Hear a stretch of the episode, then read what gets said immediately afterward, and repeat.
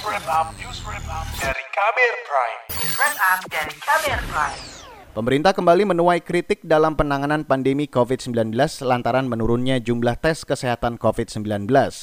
Pengamat mendorong pemerintah meningkatkan kapasitas 3T, yakni tes, tracing, dan treatment, guna menekan resiko tingginya penularan. Bagaimana langkah pemerintah untuk meningkatkan kapasitas tes? Berikut saya hadirkan laporan khas KBR yang disusun oleh Siti Sadida. Berdasarkan data pemerintah dan lembaga kawal COVID-19 yang dirangkum berupa data, jumlah tes COVID-19 mengalami penurunan. Penurunan setidaknya terlihat sejak 17 Juli 2021. Pada hari itu dilakukan tes PCR dan antigen terhadap 180 ribuan orang. Berselang empat hari kemudian jumlah itu menurun hingga 116 ribuan orang. Penurunan kapasitas tes ini menuai kritik karena akan berdampak pada rendahnya deteksi kasus. Itu setidaknya terlihat dari laporan kasus harian yang menurun hingga 33 ribuan pada 21 Juli dari 50 ribuan di pekan sebelumnya. Merespon itu juru bicara Satuan Tugas Penanganan COVID-19 Wiku Adhisa Smito berdalih jumlah tes COVID-19 menurun disebabkan beberapa hal seperti adanya hari libur nasional.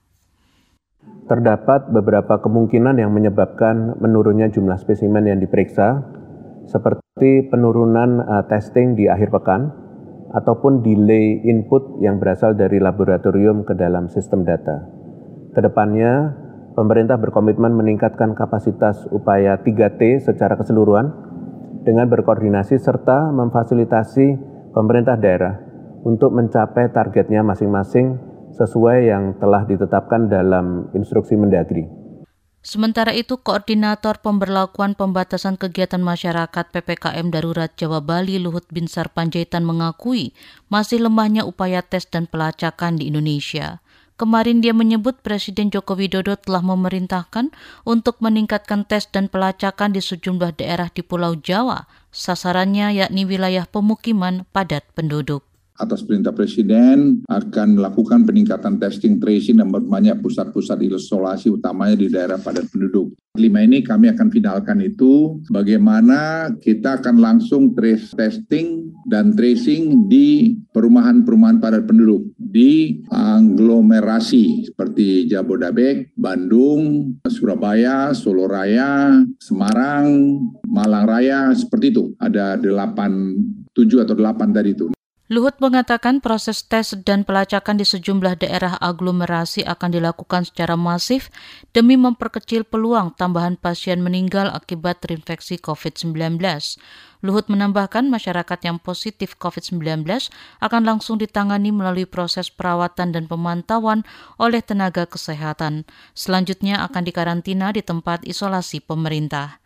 Peningkatan 3T memang perlu dilakukan terutama saat PPKM darurat itu yang didorong oleh epidemiolog dari Universitas Griffith Australia, Diki Budiman yang dilihat dan jadikan ukurannya itu harus data yang tepat gitu. Jangan sampai uh, ya misalnya hanya melihat data kasus harian di tengah testingnya juga menurun, tes positivity rate-nya meningkat luar biasa tinggi atau dalam posisi sangat tinggi. Nah itu kan jadi eh, validitas akurasinya menjadi sangat lemah. Kemudian ditambah misalnya eh, angka kasus di rumah sakit ya huniannya yang masih tinggi dan kolaps situasinya.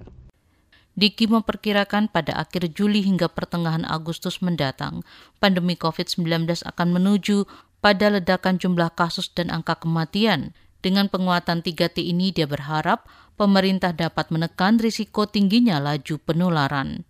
Di tempat lain, Ikatan Ahli Kesehatan Masyarakat Indonesia IAKMI mencermati sudah banyak masyarakat yang berkonsolidasi meningkatkan tes dan pelacakan untuk membantu pemerintah. Meski begitu, menurut Dewan Pakar IAKMI Hermawan Saputra, pemerintah tetap harus membuktikan komitmennya dalam menangani COVID-19, misalnya dengan melakukan lebih banyak tes massal anggaplah pada sudut-sudut keramaian publik ada random testing tuh dilakukan oleh Pak Wali, itu akan membuat mereka otomatis uh, tanda kutip mereka akan segan keluar rumah tuh. Masyarakat kita tuh tipikal yang takut diperiksa.